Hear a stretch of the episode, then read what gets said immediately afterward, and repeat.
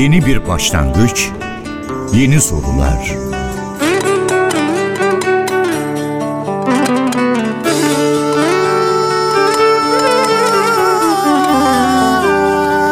Yeni bir yolculuk, sıra dışı keşifler.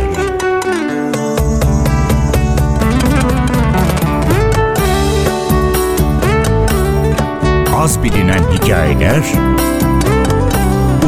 unutulmuş ezgiler.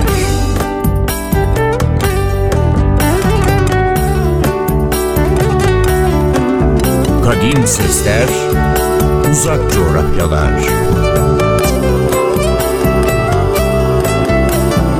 Karşınızda Ahmet Yeşiltepe ile Mavi Kulesi.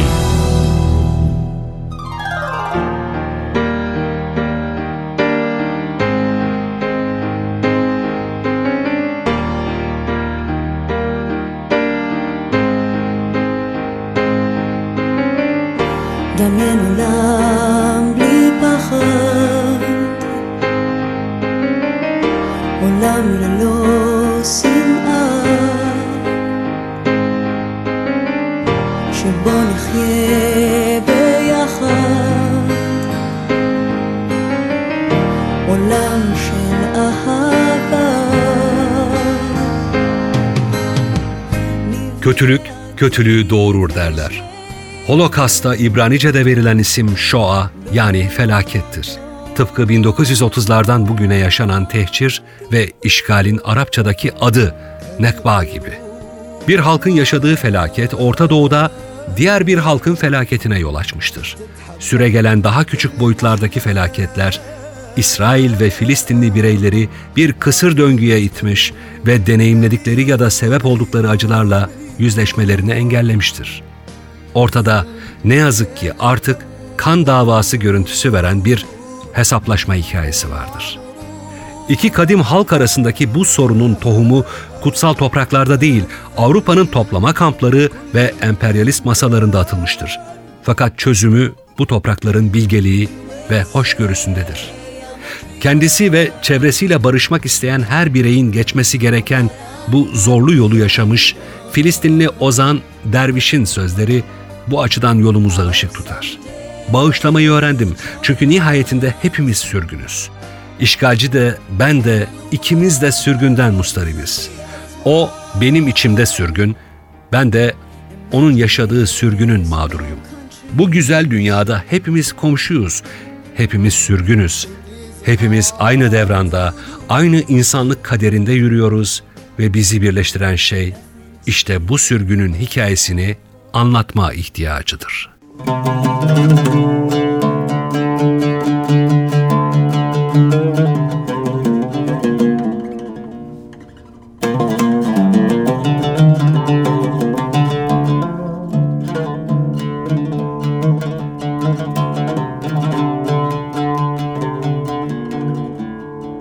Orta Doğu'nun yakın dönem hikayesini anlatan bir Babil Kulesi'ne daha hoş geldiniz.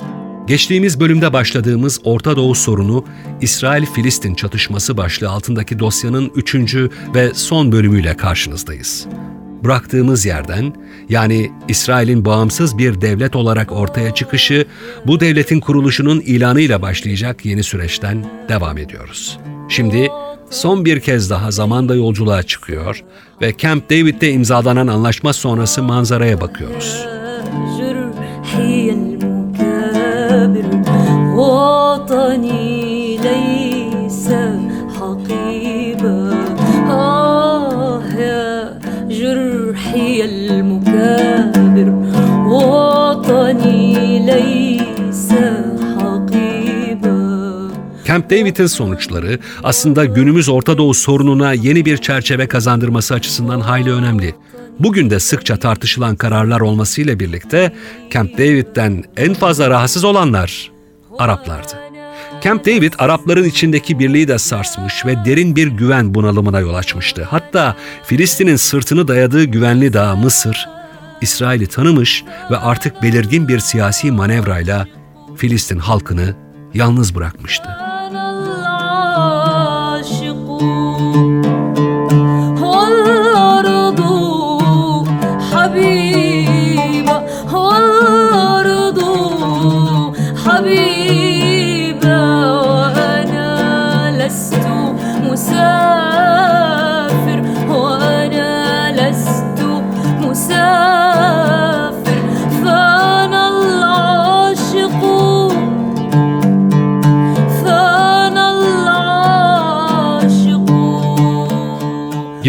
1982. İsrail'in kuzeyindeki Lübnan'a beklenmedik saldırılarıyla başlayan yeni bir savaş sürecinin miladı. İsrail, Lübnan sınırına yakın yerleşim birimlerini saldırılardan korumak amacıyla bu ülkenin güneyine asker soktu. Ama Savunma Bakanı Ariel Sharon beklenmedik şekilde orduyu başkent Beyrut'a kadar götürdü ve Filistin Kurtuluş Örgütü'nü Lübnan'dan çıkardı. Halbuki Sina'daki son İsrail birliklerinin geri çekilmesinin üzerinden daha iki ay bile geçmemişti. Yani İsrail Mısır işgalini sona erdirmiş ama bu defa Lübnan'a dönmüştü. Lübnan işgalinin gerekçesi ise ilginçti. İşgal, Ebu Nidal örgütünün İsrail'in Londra Büyükelçisi'ne suikast girişimi üzerine başlatılmıştı. İsrail birlikleri Beyrut'a Ağustos ayında vardı. Yapılan ateşkes anlaşması uyarınca, Filistin Kurtuluş Örgütü milisleri çekilince Filistin mülteci kampları savunmasız kalmıştı. İsrail güçleri 14 Eylül'de Beyrut etrafında birikirken Hristiyan Falanj milislerin lideri Beşir Cemayel, başkentteki karargahında bir bombanın patlamasıyla öldü. Ertesi gün İsrail ordusu Batı Beyrut'u işgal etti. 16 Eylül'den 18 Eylül'e kadar İsrail'le ittifak yapan falanjistler Sabra ve Şatila kamplarında 2000'e yakın sivil Filistinliyi öldürdü. Neredeyse bir asırı bulan Orta Doğu mücadelesindeki en kanlı katliamlardan biriydi bu. Bu olaydan sonra o dönemde İsrail güçlerine komuta etmekte olan Ariel Sharon, Beyrut kasabı lakabıyla anıldı. Sharon, Savunma Bakanlığı'ndan başka bir göreve geçmek zorunda kaldı. Çünkü 1983'te İsrail'de yapılan bir soruşturma onun katliamı önlemek için harekete geçmediğine hüküm vermişti. Sabra ve Şatila katliamları Ariel Sharon hakkındaki savaş suçlusu iddialarının kaynağı oldu. Bazı görgü tanıkları İsrail askerlerinin Hristiyan milislerin kamplarda neler yapacağından haberdar olduğunu, hatta olanları izlediğini ve desteklediğini anlatıyor. Walaikum salam. Peace be unto you and unto you peace. The people wish peace upon my life, but the media told me to fear for my life. Ha. As I was walking through the street of Shatila camp, all I could feel was nothing much but love around me. Yo, listen. It's about time that we love one another. It's about time that we throw everything away, you know, because we're all humans. It's not about the color, the race, the religion, the culture, where you're from. It's all about the love because at the end of the day, we're all humans. It's about time that we show hate and replace it with love. As Bob Marley said, one love, one heart, one destiny. That's all we need in this world, man. Peace out. Yeah,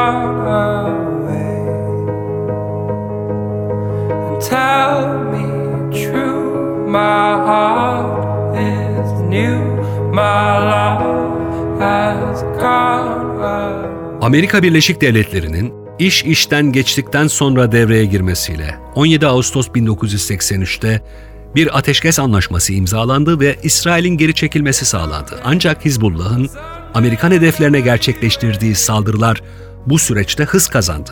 18 Nisan 1983'te Amerika Birleşik Devletleri'nin Batı Beyrut'taki büyükelçiliğine düzenlenen saldırıda 63 kişi öldü. Amerikan ve Fransız askerlerinin bulunduğu çok uluslu güç karargahına 23 Kasım günü düzenlenen saldırıyla 298 asker öldürüldü. 20 Eylül 1984'te ise Amerikan Büyükelçiliği bu kez İslami Cihat'ın hedefi oldu ve 8 kişi hayatını kaybetti. Bu saldırılar Hizbullah'ın yıldızını iyice parlattı. Tell me true, my heart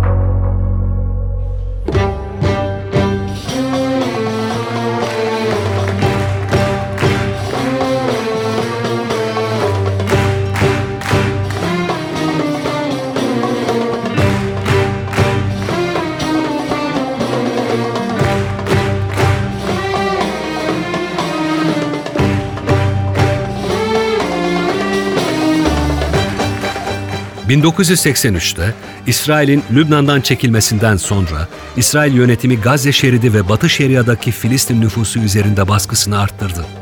İşgal ettiği topraklar üzerinde yeni Yahudi yerleşimleri açmaya başladı. Sonunda Filistin halkı intifada yoluna gitti. Yani kitlesel ayaklanma.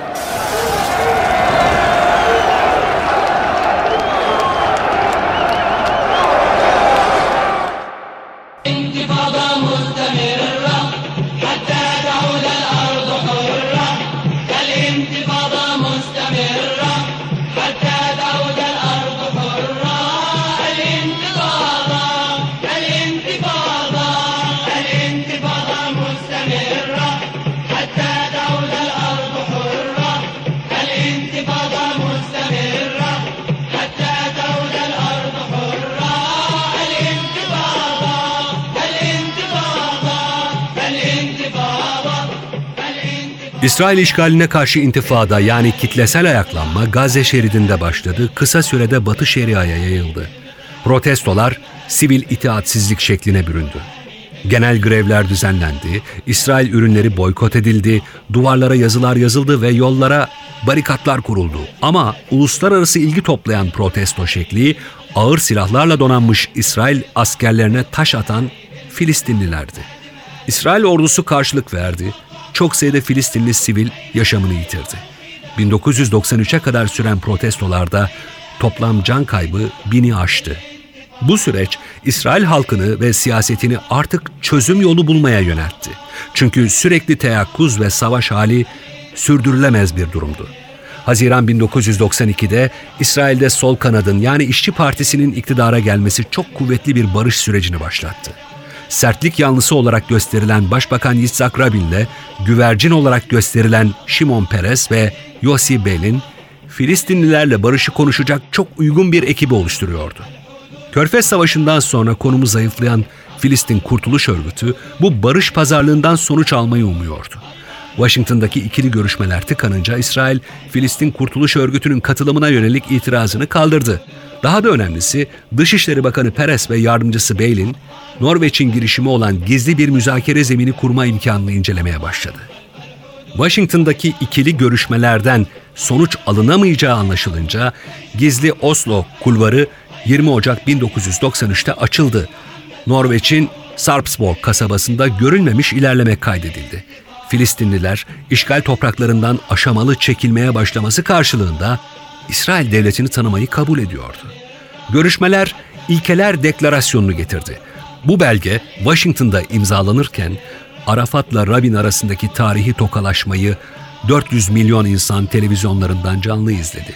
Oslo'da muazzam inanılmaz bir ilerleme kaydedilmişti.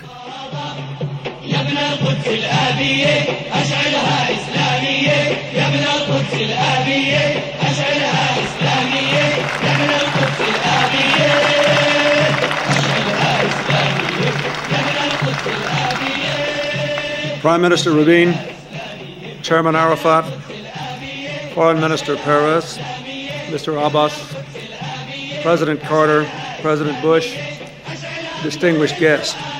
اننا سوف نحتاج إلى مزيد من الشجاعه والتصميم لنواصل مسيره بناء التعايش والسلام بيننا ان هذا ممكن وهذا يوم سوف يتحقق بالإرادة المشتركة وبالعمل على إرساء قواعد السلام العادل والشامل مع جميع الأطراف وعلى كل المسارات وشعبنا لا يعتبر أن المرض لا يعتبر أن المرض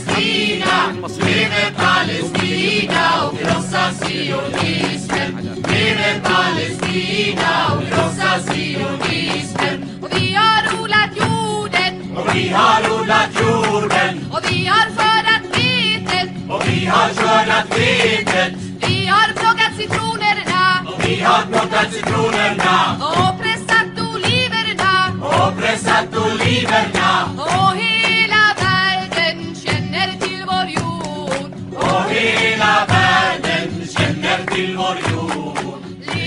İsrail ve Filistin Kurtuluş Örgütü, İlkeler Deklarasyonu'nun başlangıçta nasıl uygulanacağı konusundaki anlaşmayı Kahire'de 4 Mayıs 1994'te imzaladı. İsrail, Gazze şeridinin çoğunu terk ediyordu. Sadece Yahudi yerleşimleri ve etrafında bulunan arazilerde İsrail varlığını sürdürecekti. Batı Şeria'da ise Eriha kentini Filistinlilere bırakıyorlardı. Bu pazarlıklar güçlükle yürütüldü. Üstelik Batı Şeria'nın El Halil kentinde düzenlenen bir katliam neredeyse görüşmelerin kesilmesine yol açıyordu. Tarihi İbrahim Camii'nde sabah namazı kılan Filistinlilerin üzerine makinalı tüfekle ateş açan Yahudi yerleşimci Baruch Goldstein 29 kişiyi öldürdükten sonra uzun süren çatışma sonucu ölü olarak ele geçirildi.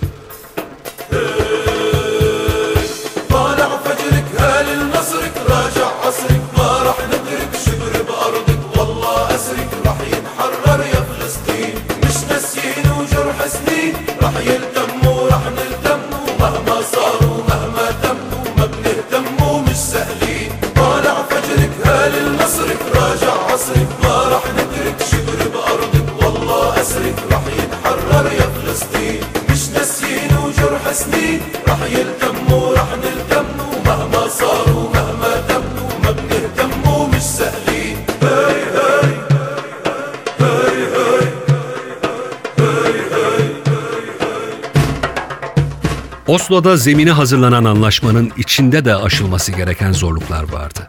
Metinde 5 yıllık geçiş dönemi içinde İsrail ordusunun geri çekilme aşamaları yer alıyordu. Ama bu aşamalar çok zorlu pazarlıkların sonuç vermesine bağlıydı. Bunlar Filistin devletinin kuruluşu, Kudüs'ün statüsü, işgal edilmiş topraklardaki Yahudi yerleşimlerinin durumu ve 1948 ile 1967 arasında göçe zorlanan 3,5 milyon Filistinli mültecinin ne olacağı gibi konulardı. Barış sürecini eleştirenlerse 1 Temmuz'da susmuştu. Çünkü Yaser Arafat, Filistin topraklarına bu tarihte geri döndü, coşkulu bir kalabalık tarafından muzaffer bir edayla karşılandı. Filistin Kurtuluş Ordusu, İsrail birliklerinin boşalttığı yerlere konuşlandırıldı. Filistin Ulusal İdaresi yani özerk yönetimin başkanı olarak artık Yaser Arafat vardı. 1996'daki seçim de bunu tescil etti. Artık Filistin topraklarında İsrail'in de tanıdığı bir devlet, Filistin devleti vardı ama bu sorunların kökten çözüldüğü anlamına gelmiyordu.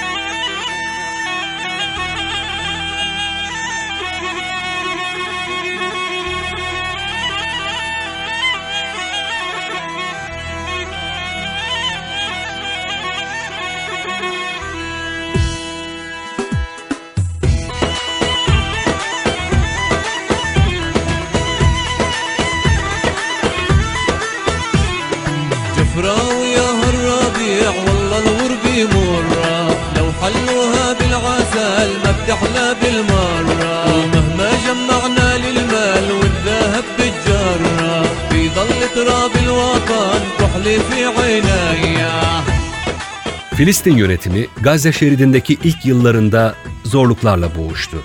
Filistinli militanların bombalı eylemlerinde onlarca İsrailli öldü. İsrail, özerk yönetimin topraklarına giriş çıkışları engelliyor, militanlara suikastler düzenliyordu. Yeni yerleşim inşaatları da durmadı. Filistin özerk yönetimi kendi toplumunun öfkesini kitlesel gözaltılarla bastırmaya çalıştı. İsrail içinde ise barış sürecine tepkiler sağ kanattan ve dini gruplardan geliyordu. Bu ortam içinde barış görüşmeleri yoğun çabayla yürütülse de başlangıçta belirlenen takvime yetişilemiyordu.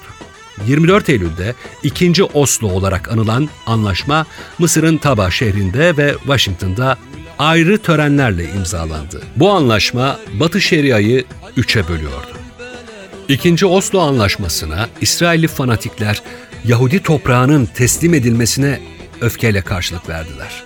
Öfke ve tahrik içeren bir kampanyaya hedef olan Başbakan Yitzhak Rabin, bir aşırı dinci Yahudi tarafından 4 Kasım'da öldürüldü. Suikast bütün dünyaya şok dalgaları yaydı. Güvercin diye nitelendirilen ve bir türlü tamamlanamayan barış sürecinin mimarı Şimon Peres başbakan oldu. Yanatsa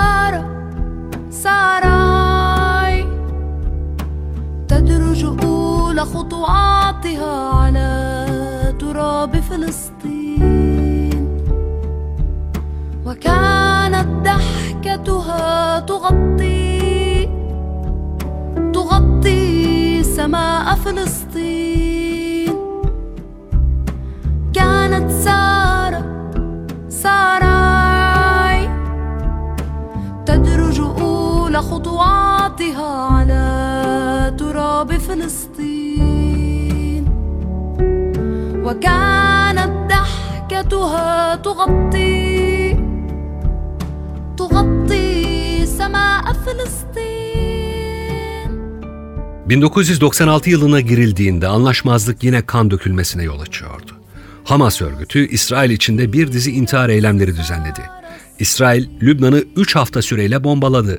Şimon Peres 29 Mayıs'taki seçimlerde sağcı Benjamin Netanyahu'ya kıl payı yenildi.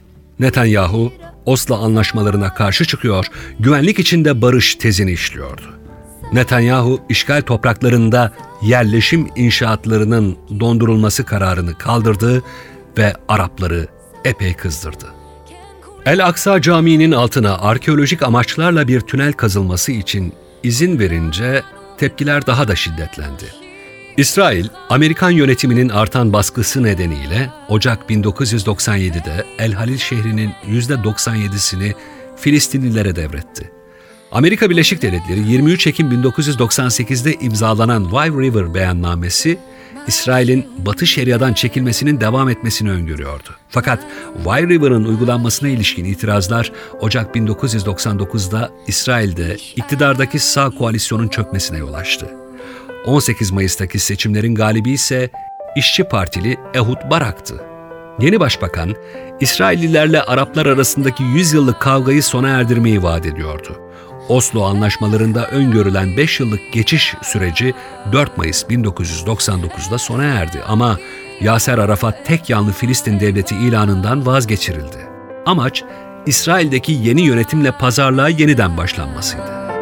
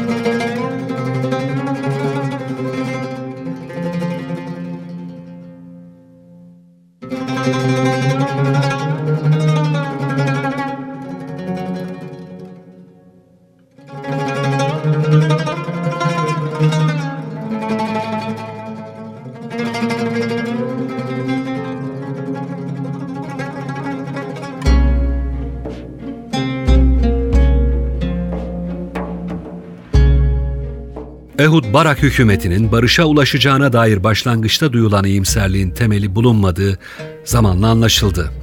Yeni bir Wye River Sözleşmesi Eylül 1999'da imzalandı ama işgal topraklarından çekilme işleminin devam etmesi mümkün olmadı. 5 yıllık barış süreci sonunda pek bir şey elde edilememesi Filistin halkında artık büyük bir bıkkınlık doğurdu. Ehud Barak Suriye ile barışa odaklandı. Bu alanda da başarı yoktu. Ehud Barak yine de İsrail'in 21 yıllık Lübnan macerasına son verdi. Mayıs 2000'de İsrail'in Lübnan'dan çekilmesi dikkatleri Yaser Arafat'a yöneltti. Amerika Birleşik Devletleri Başkanı Bill Clinton'la Ehud Barak kademeli barış görüşmeleri yerine bütün konularda hep birden sonuç almayı amaçlayan nihai pazarlığa girmeye zorlandı.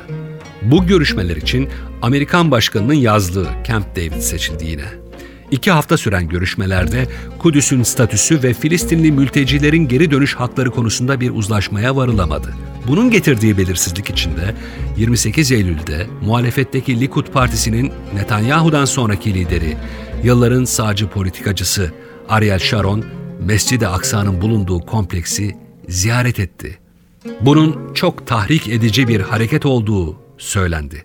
Filistinliler bu ziyareti protesto için gösterilere başladı ve gösteriler bugün artık El Aksa İntifadası ya da İkinci İntifada diye anılan ayaklanmaya dönüştü.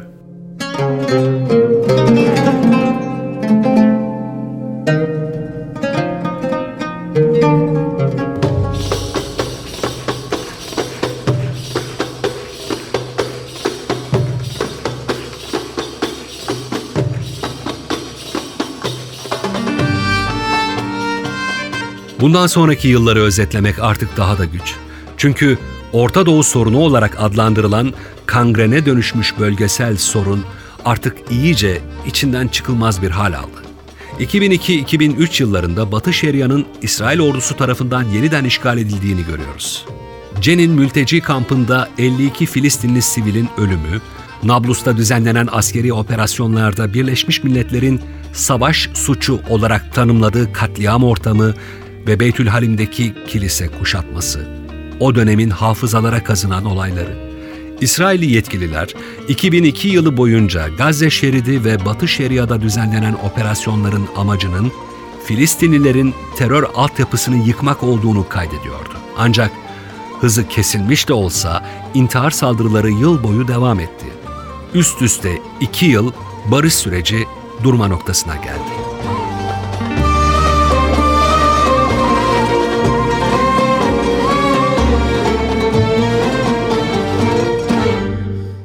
25 Ekim 2004'te Yaser Arafat hastalandı, grip teşhisi konulmuştu. Tüm çabalara rağmen Arafat iyileşemiyordu. Paris'teki bir askeri hastaneye götürüldü. Zehirlendiğinden şüphe ediliyordu.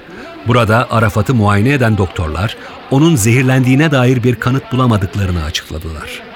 3 Kasım'da komaya girdi, 8 gün sonra ise öldüğü açıklandı. Filistin davasının babası artık yoktu.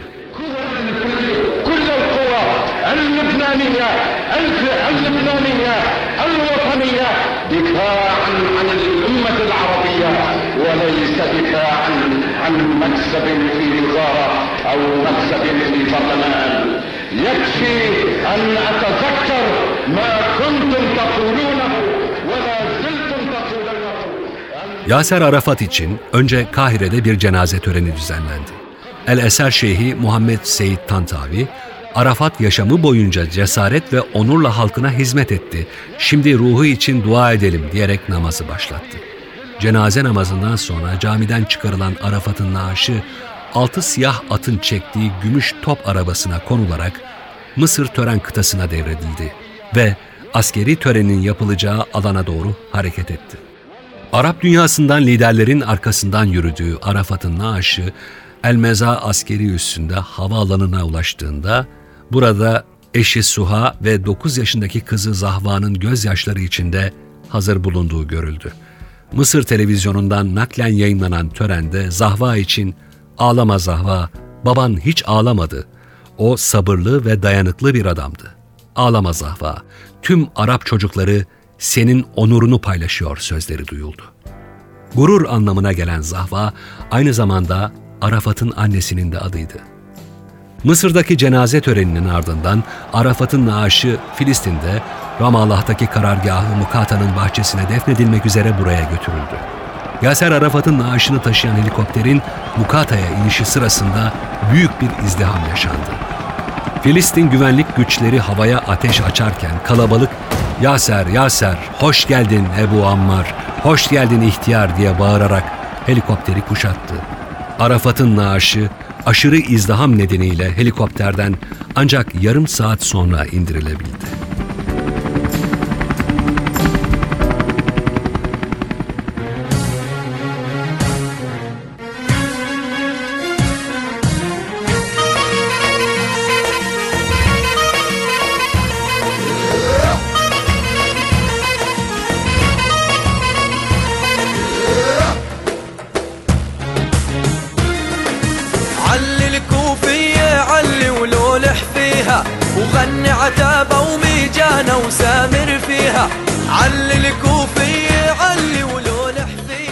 Binlerce Filistinli liderlerini son yolculuğuna gözyaşlarıyla uğurladı.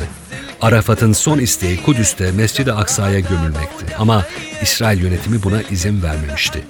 Arafat'ın ileride Kudüs'e gömülebilmesi için tahta değil taş lahide konulması kararlaştırıldı.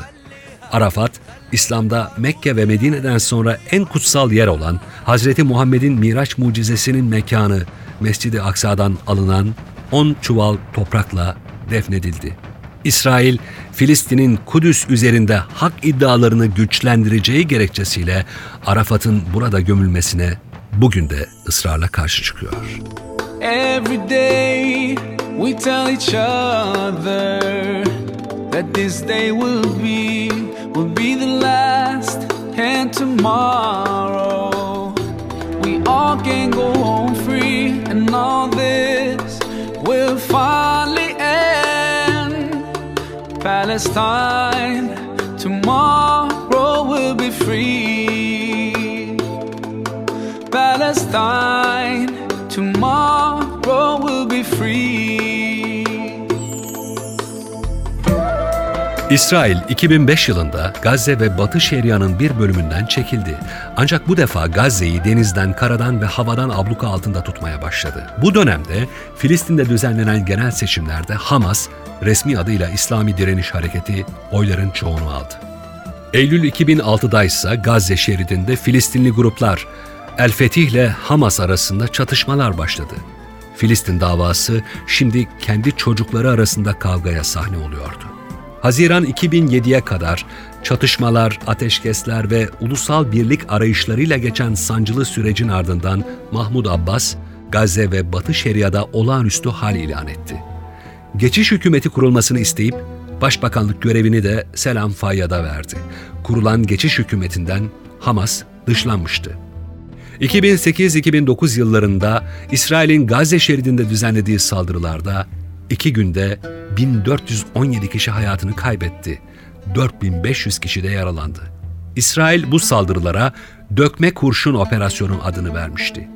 İsrail, askeri harekatın Filistinli militanların İsrail'in güneyini hedef alan roket saldırılarını durdurmayı amaçladığını açıkladı. Boys, mothers, boys, fathers, boys,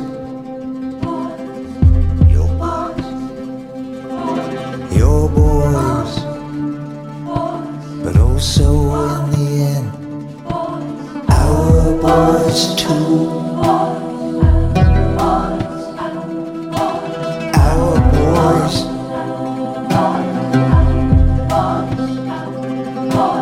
All our boys.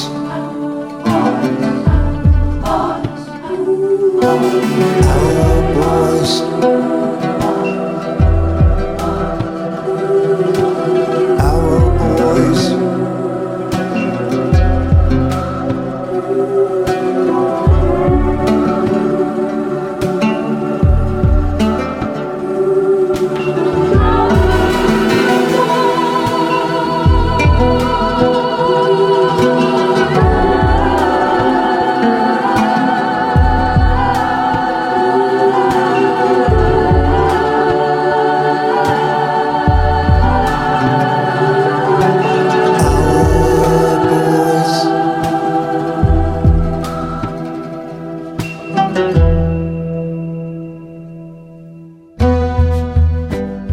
Mayıs 2010'da İsrail askerleri Gazze'ye yardım taşıyan Mavi Marmara gemisine baskın yaptı. 10 Türk vatandaşı hayatını kaybederken bu saldırı Türkiye-İsrail ilişkilerini kopma noktasına getirdi. İsrail Başbakanı Benjamin Netanyahu, dönemin Amerika Birleşik Devletleri Başkanı Barack Obama'nın da çabalarıyla Türkiye'nin o zaman başbakanı olan Cumhurbaşkanı Recep Tayyip Erdoğan'dan özür diledi. İsrail ayrıca Mavi Marmara baskınında hayatını kaybedenler için tazminat ödemeyi kabul etti. 2014 yılında İsrail bu defa Gazze'ye yönelik 51 gün süren ve kara harekatını da içeren yeni bir saldırı başlattı. Saldırılarda 530'u çocuk, 302'si kadın, 2100'den fazla Filistinli hayatını kaybetti. 10 binden fazla Filistinli de yaralandı. 14 Mayıs 2018'de ise Amerika Birleşik Devletleri yönetimi İsrail Büyükelçiliğini Kudüs'e taşıma kararı aldığını açıkladı. Büyükelçiliğin açılışı öncesi İsrail güvenlik güçleri Filistinli protestoculara ateş açtı ve onlarca sivil hayatını kaybetti. Donald Trump'ın başkanlığı döneminde İsrail'in Golan Tepelerini ilhak kararını tanıması da ayrıca bir uluslararası diplomatik skandal olarak kayıtlara geçti. Ve son olarak İsrail'in 21 Mayıs 2021'de sona eren Gazze saldırıları. 11 gün süren saldırılarda 65'i çocuk, 232 Filistinli hayatını kaybetti, 1710 kişi yaralandı. En az 75 bin kişi yerinden edilirken 1800 konut yıkıldı. İsrail güçleri 300'den fazla ekonomik, endüstriyel ve ticari tesisi bombaladı. Devlet okullarından 46'sı zarar gördü, 18 hastane ve klinik yıkıldı. İsrail'in Şeyh Cerrah mahallesindeki Filistinlileri evlerinden zorla çıkarmak kararıyla başlayan gerginlik 7 Mayıs'ta Mescid-i Aksa'ya yönelik gerçekleştirilen saldırıyla tırmanmıştı. İsrail'in topyekün saldırıları sona erdiğinde ülkede yeni bir hükümet kurulması için siyasi partiler görüşmeleri tamamlamış ve Benjamin Netanyahu'nun 12 yıllık başbakanlığı da sona ermişti. Şimdi gündemde bir değişim hükümeti ve İsrail siyasetinde belirsizlik atmosferi vardı.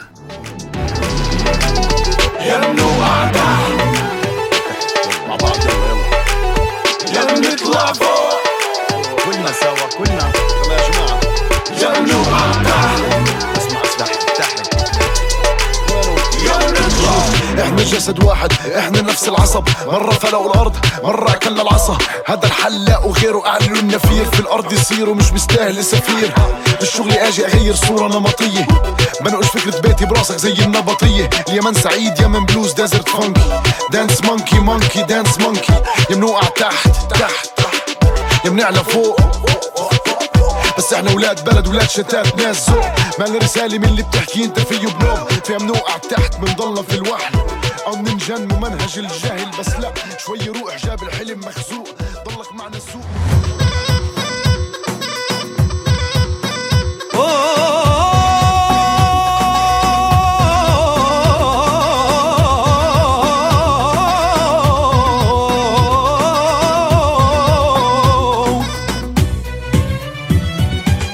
على عهدي على ديني على أرض تلاقيني أنا لأهلي أنا فديهم أنا دمي فلسطيني فلسطيني فلسطيني أنا دمي فلسطيني İsrail ve Filistinliler arasındaki mücadele, dünyada en uzun süren ve patlamaya en yatkın anlaşmazlıklardan birini oluşturuyor. Anlaşmazlığın kökeni Akdeniz sahili ile Şeria Nehri arasındaki bölgede hak iddiasına dayanıyor. son 100 yıl Filistinlilere sürgün, işgal, baskı ve onu izleyen dönemde kendi kaderini tayin etme hakkı mücadelesi getirdi. Kayıpları ve acılarına sebep olarak gördükleri bir ulusla bir arada yaşama yolundaki zorlu arayışla cabası. İsrail'in Yahudileri içinse dünyanın her yanında yüzyıllar boyu süren zulüm ardından atalarının topraklarına geri dönüş ne acıdır ki barış, huzur ve güvenlik getirmedi. Komşularıyla pek çok kez bölgesel savaşlar yaşadılar ve Filistin halkını topraklarından ederek tarifsiz acılara yol açtılar. Hepsinden öte hemen her krizde uyguladıkları orantısız şiddetle yeni çatışma süreçlerine zemin hazırladılar. أنا دمي فلسطيني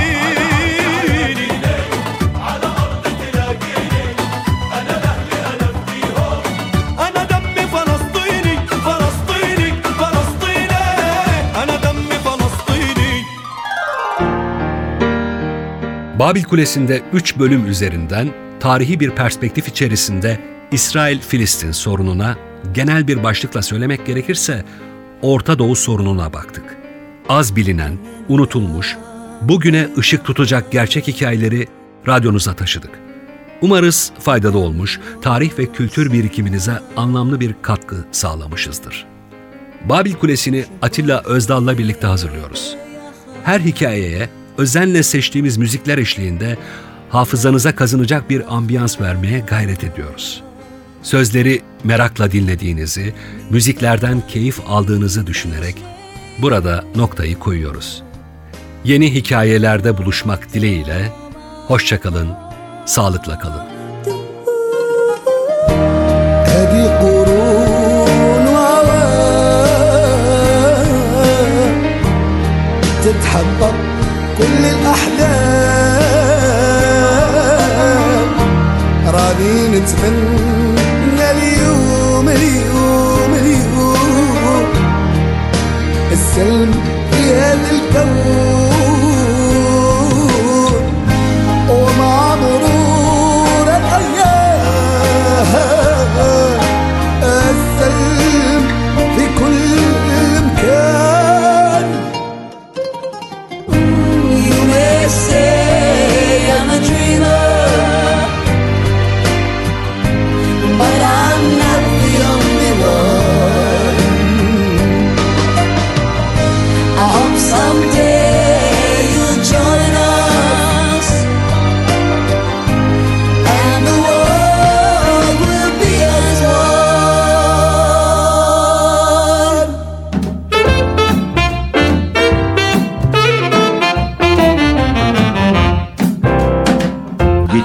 72 ülkeden uyumsuzluğun ritmi ve şarkısı. Babil Kulesi. Rengarenk bir ses tayfı. Babil Kulesi. Ahmet Yeşiltepe ile NTV Radyo'da.